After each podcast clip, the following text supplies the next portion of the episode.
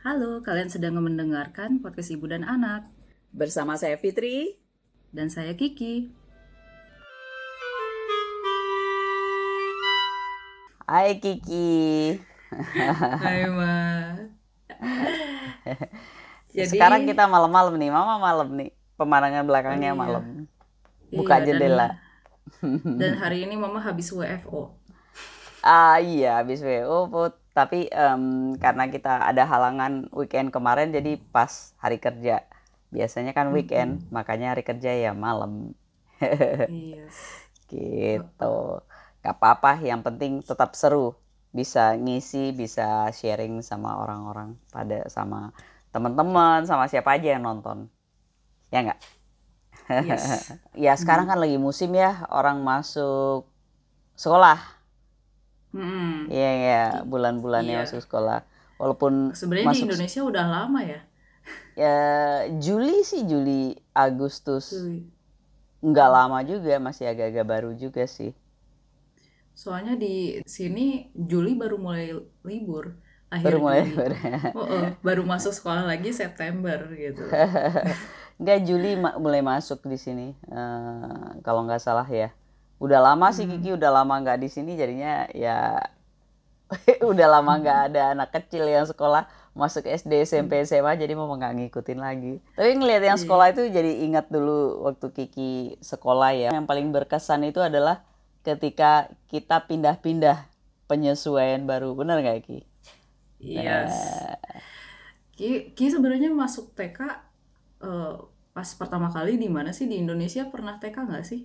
Oh enggak enggak kita uh, pindah ke New Zealand itu uh, Kiki umur 2 tahun lebih sedikit ya. Jadi belum belum hmm. sempet TK. Dulu kan belum musim playgroup apalah gitu nggak nggak terlalu musim ya. Adanya TK hmm. dan Kiki belum usianya TK. Jadi Kiki nggak sempet TK di Indonesia sih. Oh sempet. Tapi di hmm. New Zealand Kiki langsung masuk TK gitu waktu itu hmm, atau gimana? Nggak nggak TK jadi kayak hmm. antara setengah playgroup, setengah uh, apa ya tempat penitipan gitulah penitipan hmm. barang kali ya oh, penitipan anak tapi sekarang udah umum juga kan ya di Indonesia iya umur sekarang umum satu tahun iya. iya udah umum dan uh, ada memang ada ya PAUD gitu namanya pendidikan anak usia dini tapi sebelum TK gitu ya kayak pra TK-nya lah gitu gitu udah musim hmm. sekarang kok di sini gitu. Iya, cucu-cucu mama pada masuk PAUD. Iya, oh, oh. belum umur setahun aja udah masuk itu, udah masuk uh, playgroup gitu. iya.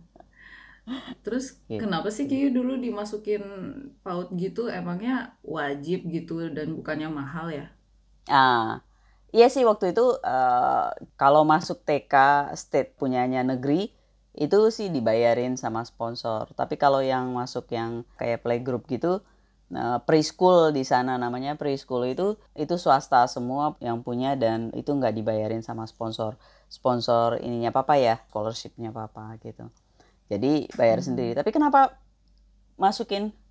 Kan Kiki baru pindah ke sana, bahasa juga belum ini ya. Jadi perlu masuk preschool itu untuk pertama untuk memperkuat bahasa. Selain itu mama juga mau ngambil kesempatan itu ngambil course ngambil ya kuliah-kuliah ringan lah untuk uh, memperkuat ininya mama juga kompetensi hmm. mama juga gitu jadi sama-sama sama-sama butuh antara mama dan Kiki sama-sama butuh gitu makanya Kiki hmm. masuk preschool gitu hmm. milihnya dulu hmm, Sebenarnya Kiki ada dua kali preschool di sana ya. Jadi Kiki nggak masuk TK, preschool langsung ke SD gitu ya. Preschoolnya itu pertama itu milihnya karena deket sama kantor papa gitu. Terus pas ngomong sama ininya, sama yang mengelola sekolahnya, dia bisa ngerti. Tapi begitu Kiki masuk, ternyata hmm, nggak hmm, kurang cocok sama Kiki. Kikinya stres sampai mogok nggak mau pergi sekolah Padahal waktu pertama-tama excited banget Kiki oh mau sekolah ya ayo. Tapi mungkin karena masalah bahasa ya Kiki nggak gitu ini bahasanya Kiki nggak udah nggak ingat ya waktu itu ya nggak ingat ya nggak begitu ingat sih iya. teknologisnya gimana iya. umur dua setengah tahun dua setengah tahun hmm. ya karena karena mungkin karena bahasa ya uh, sementara yang mengelolanya itu ngelihat Kiki anteng-anteng aja berarti aman-aman aja. Padahal sebenarnya Kiki cukup stres waktu itu ternyata. Karena uh, teman-temannya uh, mau main sama Kiki nggak bisa karena kendala bahasa dan yang apa kayak guru-gurunya nggak memfasilitasi Kiki gitu. Terus Kikinya mogok sekolah nggak mau pergi gitu. Padahal mama mama sama papa tanya sama yang ngelolanya bilang, "Oh Kiki anteng-anteng aja kok. Ini tenang aja kok. Giliran tidur ya tidur gitu kan ada tidur siangnya." Uh, tapi Kiki ternyata nggak happy di rumah Kiki nggak happy gitu. Mau berangkat sekolah nggak nggak mau berangkat. Akhirnya uh, waktu itu papa ngobrol sama profesornya papa, profesornya bilang, coba Adi tuh ada preschool di farm ownernya ya prinsipalnya ownernya itu uh, bisa mengerti gitu nah waktu itu jadinya coba sama mama sama papa datengin terus kita ngobrol terus dia mengerti bahwa ada satu kendala yang utama ya bahasa hmm, karena Kiki walaupun bahasa. umurnya dua tahun setengah itu Kiki ngomongnya udah lancar banget jadi kalau ada orang ngomong yang Kiki nggak mengerti Kiki merasa Kiki uh, ngomongnya bahasa Indonesia gitu. tapi ya dulu hmm, ngomongnya bahasa Indonesia tapi ngomong lancar banget gitu nah hmm. kalau ada orang ngomong bahasa Inggris kan Kiki nggak ngerti Kiki merasa Kiki diomongin jadi Kiki nggak happy gitu merasa tersisih lah gitu. Biasa kan kita juga kalau ada orang ngomong pakai bahasa lain di depan kita yang kita nggak ngerti ini orang gimana sih? gitu. Kayak kita merasa ini orang jahat banget sih sengaja ngomong yang kita nggak ngerti gitu. Kayak kan Kiki nggak terlalu ngerti bahwa itu negara lain bahasanya lain yang penting Kiki nggak ngerti gitu. Gitu. Hmm.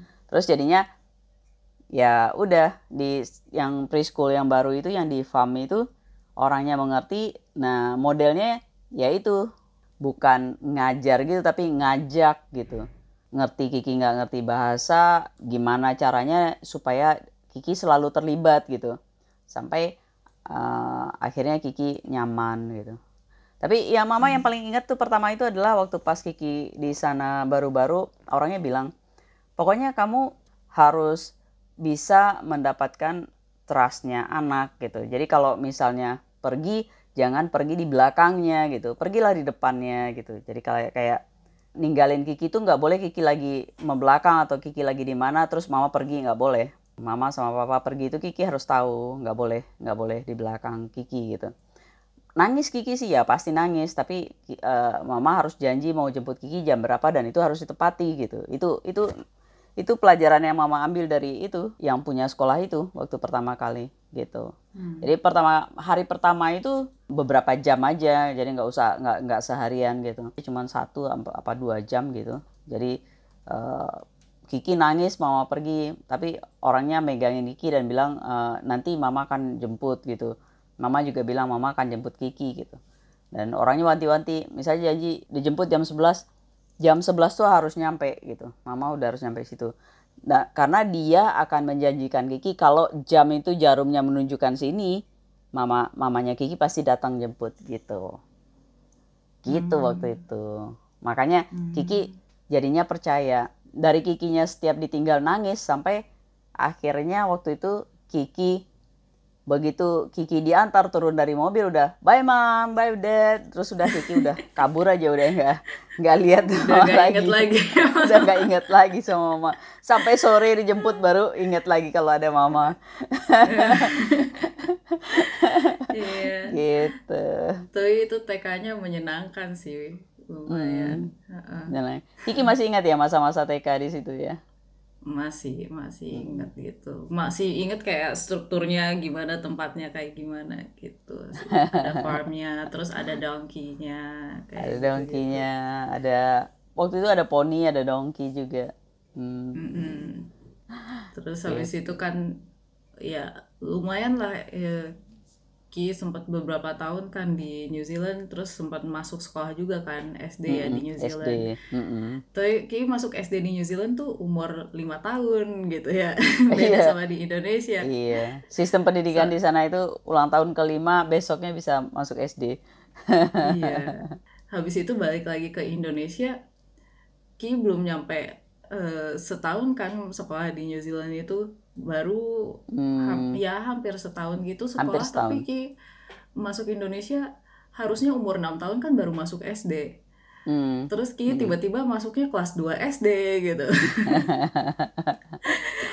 kenapa iya. tiba-tiba Ki masuknya tuh kelas 2 SD gitu mbak Iya yeah, karena waktu itu kan mama sama papa nyari-nyari sekolah Kiki yang mana gitu yang mudah buat Kiki uh, sehingga Kiki nggak terlalu capek sempat waktu itu nyari sekolah yang dekat kantor papa supaya kikinya eh, pergi berangkatnya sama pulangnya sama papa. Tapi terus ternyata kelasnya penuh. Selain kelasnya penuh juga kepikiran lah papa kalau sering-sering tugas keluar kota nanti gimana? Jemput kikinya lumayan PR juga gitu.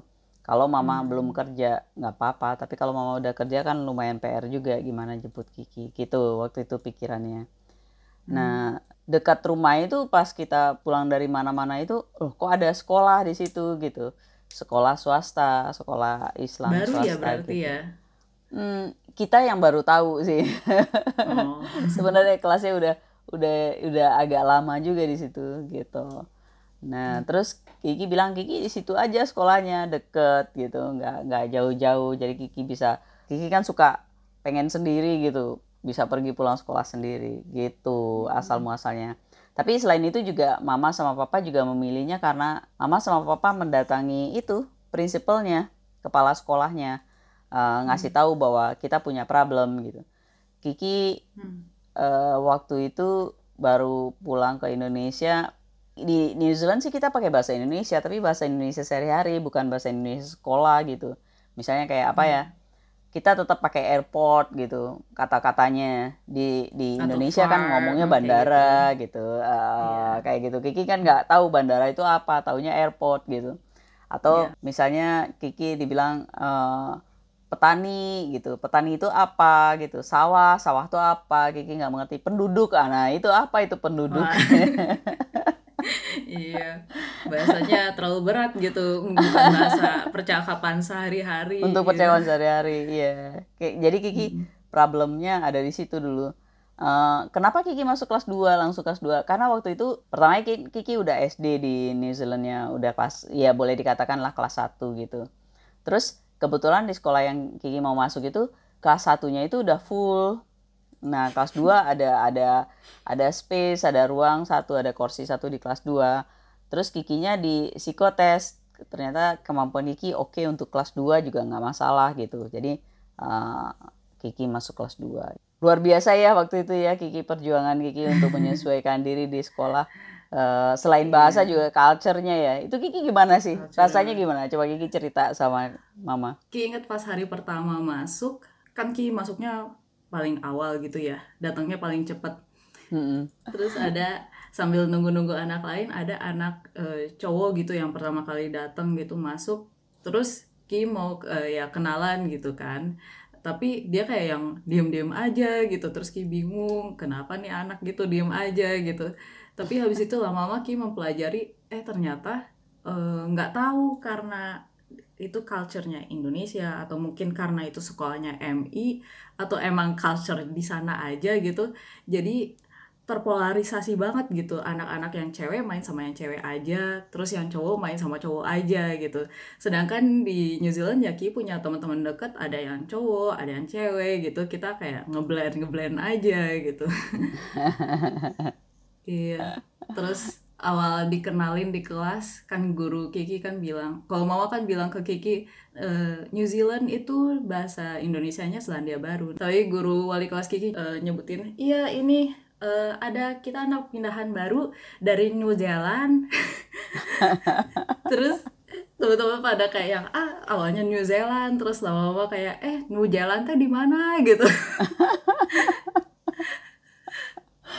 Soalnya ya. waktu itu New Zealand jadinya Sunda gitu ya soalnya waktu itu kan belum yang ada internet gitu hmm, orang-orang hmm. kan belum global banget jadinya uh, internet udah ada tapi belum udah kayak ada. sekarang lah gitu hmm. belum mainan anak SD anak belum mainan SD mainnya SD. belum gadget uh. gitu internetnya Jadinya, belum di HP gitu. Iya. internetnya masih masih di komputer, masih di komputer. Iya, betul. jadinya iya jadinya pada yang belum tahu terus tiba-tiba ada teman kira nanya eh kamu teh dari Venezuela ya nyambung ke Venezuela jauh pisan. Heeh. terus bingung juga kalau ngejelasin New Zealand di mana gitu. Orang-orang pada banyak yang nggak tahu. Dan lama-lama Ki bilang ah ya udah Ki dari Australia gitu. Soalnya orang-orang semua pada tahu Australia gitu. Lebih populer. Ki ingat pas istirahat diajakin sama teman Kiki ke kantin katanya dia mau traktir gitu Ki dulu nggak ngerti traktir tuh apa. Terus oh kayak gitu. Traktir tuh eh, dia yang beliin. Terus baru tahu juga istilah jajan. Soalnya pas di New Zealand kan kita nggak ada nggak jajan-jajan. jajan. Nggak ada yang tukang jualannya juga Mang Baso lewat nggak ada di New Zealand. Nggak ada nggak ada yang jualan di depan-depan sekolah atau kantin sekolah pun nggak ada ya waktu itu tuh. Paling cuma Nggak ada. lunch from school gitu tapi nggak ada kantin yang jualan gitu. Ya lucu lagi pas dulu Ki nggak terlalu tahu caranya wudhu ya. Tapi teman Ki bilang udah ngikutin aja gerakan aku. Oh oke gitu. Terus dia bilang jangan ngobrol kalau misalnya lagi wudhu nah Ki lagi wudhu mama dateng. Nanya Hmm. eh Kiki gimana hari ini? Ki bingung nanggepin mama atau Kiki continue wudhu Iya. seru sih. Awal-awal itu masih seru gitu. Sampai wah negara api menyerang sampai ada masanya Kiki mogok sekolah kan ya waktu itu. Eh, nggak mau ke sekolah. Eh, itu kenapa tuh ya? Tapi ya kayak gitu sih kalau ada orang yang berbeda itu lingkungan tuh sulit menerima. Itu kayak di mana-mana. Eh, memang waktu di New Zealand orang menerima tapi kikinya nggak mengerti orang ngomong dan eh, mungkin orang menerima begitu aja tapi bukan mengencourage pas pertamanya begitu yang keduanya sekolah yang kedua langsung ada yang mengencourage sampai kiki eh, yang tadinya nggak ngerti bahasa Kiki bisa speech di depan teman-teman. Karena ada kegiatan di sana yang seminggu oh ini sekali itu pas TK Eh, eh, pas TK-nya seminggu sekali itu eh, setiap anak tuh boleh ngacung untuk siapa yang ada news hari ini ada terus speech di depan teman-teman. Itu dari Kiki yang nangis yang nggak bisa eh, ngobrol sampai Kiki bisa speech gitu di encourage sama gurunya gitu waktu itu. Nah pas di ini pas di SD ya beda culture ya. Kalau di kita kalau ada yang berbeda itu eh, pertama mungkin orang excited pengen tahu gitu. Setelah tahu eh, malah disisihkan gitu. Nggak diajak karena aneh sendiri.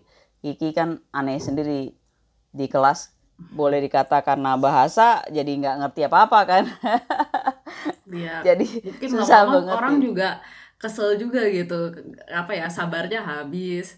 Dan Iya. eh, waktu itu mungkin rada-rada yang bikin Kiki nggak nyaman toiletnya kan ya. Ya Kiki sih toilet jongkok oke gitu udah ya belajar gitu udah mulai terbiasa tapi ya toiletnya anak SD what do you expect gitu yang harusnya di kloset gitu ya udah disediakan kloset eh malah di tempat Lantai. lain di lantai hal itu nggak usah anak gitu. SD ki orang di di orang udah dewasa juga gitu kok Oh, iya. kalau Kiki naik pesawat juga kalau banyak penumpangnya rame ada juga kok yang yang Iya di sih. lantai. Iya sih. Eh, jadinya ya nggak tahu kenapa Ki di Indonesia sering banget ngompol pas baru baru pindahan itu pas kelas 2 SD padahal Ki pas di New Zealand nggak nggak yang begitu sering ngompol ya paling mungkin sekali dua kali itu juga ya nggak nggak ada sih Kiki ngompol nggak ada ngompol. Maksudnya kalau Hmm. pipi jam sekolah kan biasa. Tapi kalau ngompol di celana rasanya mama waktu Kiki di New Zealand nggak pernah nggak pernah ya nggak pernah ini sih gitu. Hmm, waktu Ki pas TK mungkin Kiki sempat pakai pampers tapi sebentar. Tapi setelah itu Kiki udah eh, ini oke gitu. Hmm. malam aja yang sesekali ada ngompol ngompol tapi SD udah enggak Iya, tapi pas Kiki awal pindahan itu Ki beberapa kali ngompol pas di Indonesia karena Kiki gitu. nahan pipis mungkin Iya gitu. kayaknya. eh nahan Karena males pipis ke toilet juga nahan ke toilet gitu. Mm-mm. Terus nggak tahu kenapa Kiki juga sering mimisan. Nah, itu mimisan itu juga mama nggak tahu tuh kenapa. Waktu itu sempat sampai ke dokter kan, dokter bilang ya hmm. masih wajar sih, tapi uh, mungkin ditambah dengan stresnya Kiki, jadi Kiki makin uh, banyak mimisan. Kata dokter wajar dalam usia masih masih anak-anak ya, uh, dinding ininya tuh masih tipis gitu, membran di sininya katanya sih, mama nggak tahu juga sih, gitu. Gitu. Hmm. Sempat mama sih khawatir ya dulu ya, beberapa kali Kiki pulang-pulang mimisan gitu, tapi uh, pas periksa sama dokter nggak apa-apa katanya mama nggak tahu nggak hmm. apa-apa atau nggak tahu aja dokter iya Ki inget pertama kali Ki mimisan di kelas gitu kan lagi sholat gitu ya terus uh, ngucur aja gini Ki berusaha kayak oh ya udah tahan tahan tahan gitu. Disedot lagi mimisannya terus teman Kiki di sebelah ngeliatin Kiki ngapain ini? Kenapa kok ada darahnya? Gitu keluar.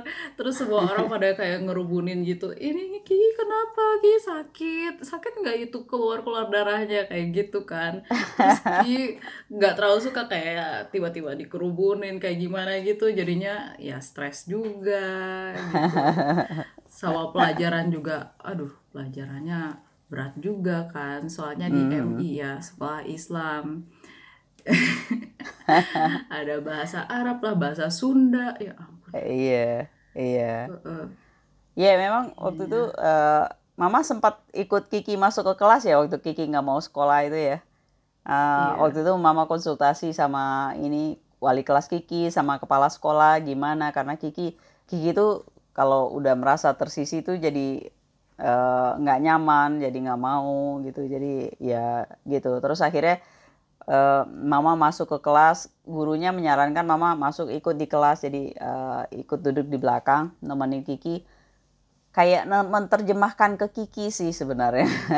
Jadi gurunya ngomong apa kalau Kiki banyak bukan ada sih tapi banyak istilah-istilah yang Kiki nggak ngerti karena kita hmm. nggak pernah pakai istilah itu di rumah. Nah mama mencarikan padanannya dalam bahasa apakah dalam bahasa Inggris atau dalam bahasa Indonesia menjelaskan ke Kiki sampai Kikinya mengerti yang dimaksudkan tuh apa gitu. Itu lumayan lama ya waktu itu. Sebulan kayaknya hmm. atau lebih ya sebulanan lah gitu sampai Kiki uh, cukup in dan bisa ini sendiri. Jadi mama udah kayak murid sekolah juga waktu itu selama Kiki itu hmm. penyesuaian iya tapi sebelum sebelum mama masuk ke kelas Kiki masih ingat mama kan dulu masih nungguin di luar gitu di tangga hmm. hmm hmm. terus uh, kadang Kiki nggak mau masuk kelas Kiki sama mama aja nempel atau kadang di kelas tapi Kiki kayak sendiri aja kayak gitu tapi ada juga sih uh, apa ya teman Kiki yang waktu itu uh, nemenin Kiki terus dulu suka nyamperin mama juga terus dia juga kayaknya kan awal-awal kan mama kan nemenin Kiki terus ya sepanjang dari jam 7 sampai jam 2 siang gitu hmm. mama uh, di sekolah gitu mama jadi anak sekolahan. Habis itu eh, lama-lama pas Ki udah bisa penyesuaian mama cuma nganterin aja terus uh, jemput juga. Tapi pada akhirnya ya udah mama nggak ngejemput Kiki lagi nggak ngejemput nggak nganterin dan Ki pertama kali pulang sekolah sendiri yang nggak sama mama itu Ki dianterin sama teman Kiki itu yang dia suka uh, kadang suka nemenin Kiki itu. Shout out. Kalau misalnya masih ada. Dia sih sebenarnya rumahnya nggak deket rumah Kiki tapi kita kayak suka jalan ke tempat parkir bareng terus habis itu pisah dia naik jemputan terus Kiki ke rumah gitu. Tapi sayangnya Kiki udah lost kontak sekarang. Soalnya dia pindah sekolah dan Kiki juga nggak tahu dia pindahnya kapan pindah ke mana. Nama lengkapnya siapa juga nggak tahu gitu. Jadi kayak udah nggak tahu lagi sih kabarnya. Gitu sih. Uh, sama habis itu tuh kayaknya ada masa-masa juga ki kayak dikucilkan sama teman-teman yang kalau misalnya teman-teman mau main gitu terus ki bilang eh mau ikutan. Terus teman-teman langsung yang ah ini batal ah batal ah batal. Terus udah gitu kabur gitu. Terus habis itu uh, di tempat lain mereka main ternyata ngumpul gitu. Uh, ya udah gitu. Ki ya sendiri aja gitu.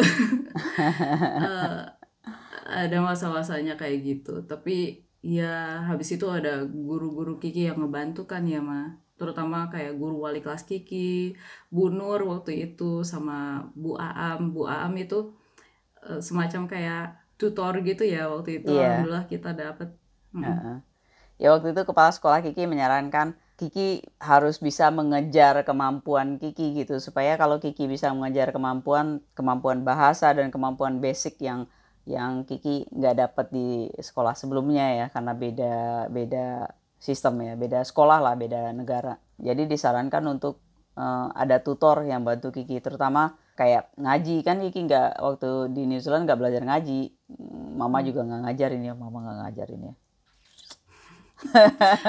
Mama apa itu? sama ibunya Mbak Mbak Riri, Mbak Riri dan Mbak Rina ya. sempat sempat, sempat ngajarin, ngajarin ya. Oh iya iya. Tapi udah lupa ikro. lagi. ngajarin dikit ya waktu di sana. Iya tuh. Itu kayaknya penting banget tuh. Kiki udah ngajarin ikro aja di tempat Kiki sekarang buat anak-anak yang yang bakalan pulang ke Indonesia lah gitu.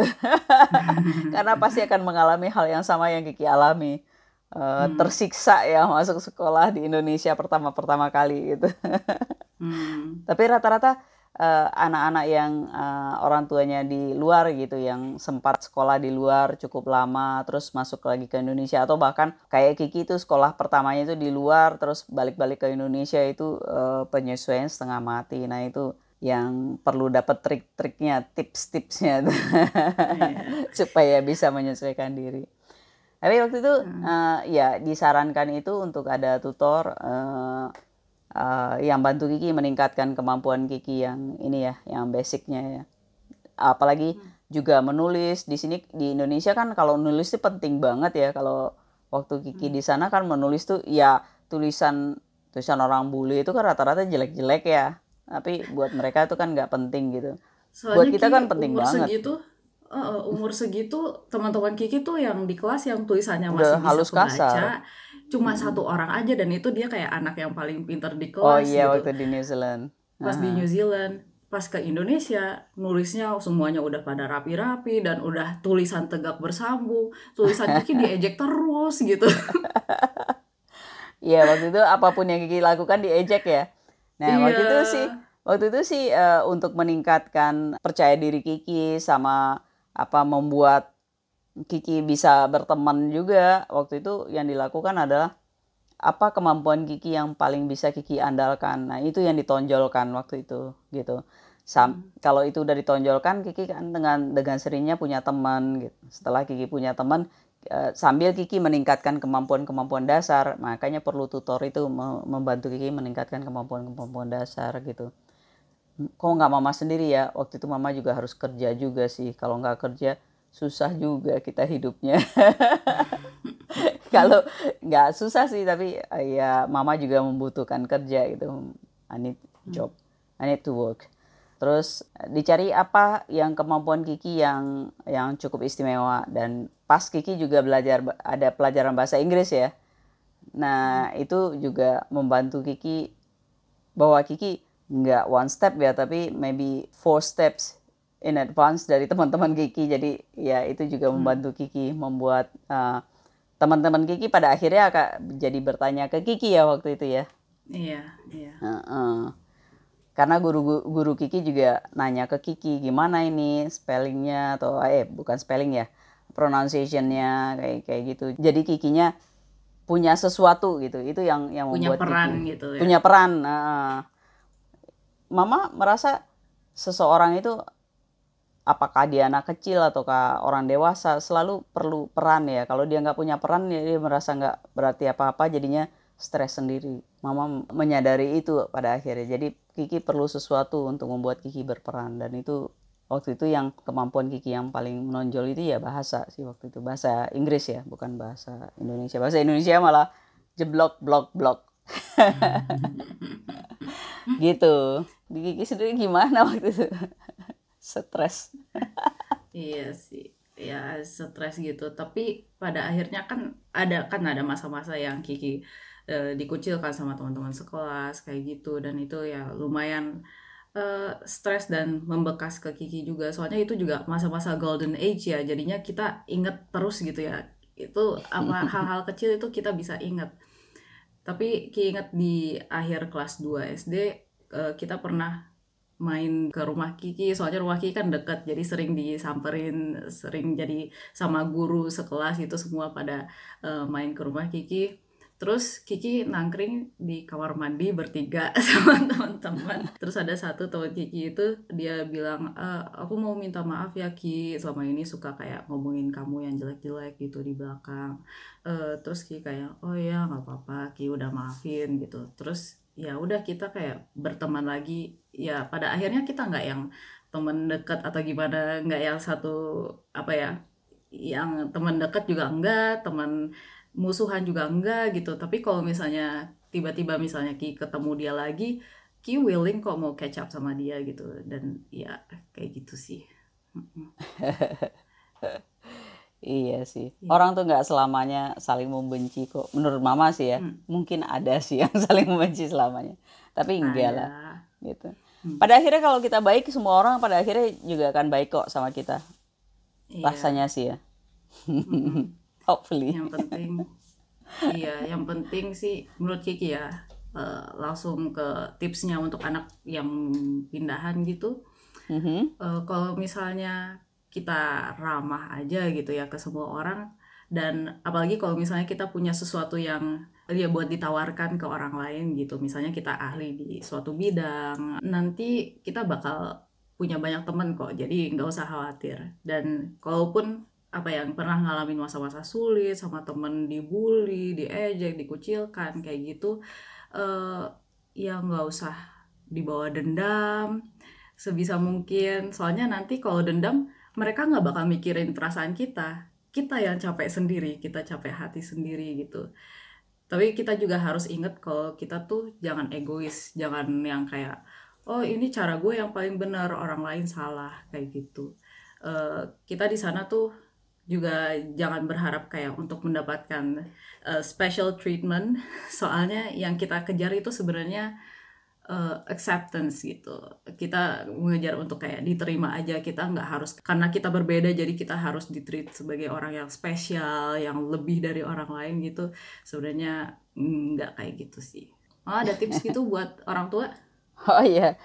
Kadang-kadang kita nggak orang tua nggak bisa menghindari harus pindah. Nah pada pindah-pindah itu setiap masuk ke tempat baru dampingi gitu, dampingin dan uh, misalnya mau milih sekolah juga datengin sekolahnya, berkomunikasi lah dengan gurunya, dengan dengan uh, kepala sekolah. Kalau bisa memungkinkan ya dapatkan uh, support support dari guru, dari kepala sekolah bahwa ada masa-masa sulit yang akan dilalui anak gitu. Terutama kalau perbedaannya sangat-sangat sangat-sangat yeah. beda banget gitu. Hmm. Uh, kalau misalnya mungkin pindah dari Jakarta ke Bandung atau dari Bandung ke Jakarta mungkin oh ya masih oke okay lah nggak terlalu ini ya bahasa masih rada-rada sama gitu.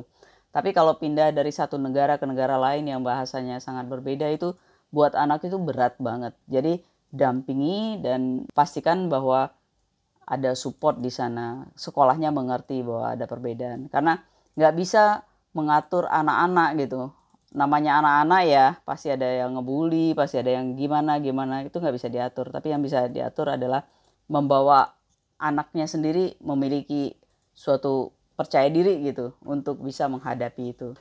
Dan gali apa dari kemampuan si anak yang paling menonjol itu yang membuat uh, anak itu lebih percaya diri bisa stand up uh, pada akhirnya uh, anak juga akan bisa berbarengan bersama-sama dengan teman-teman yang lain kayak gitu kira-kira hmm.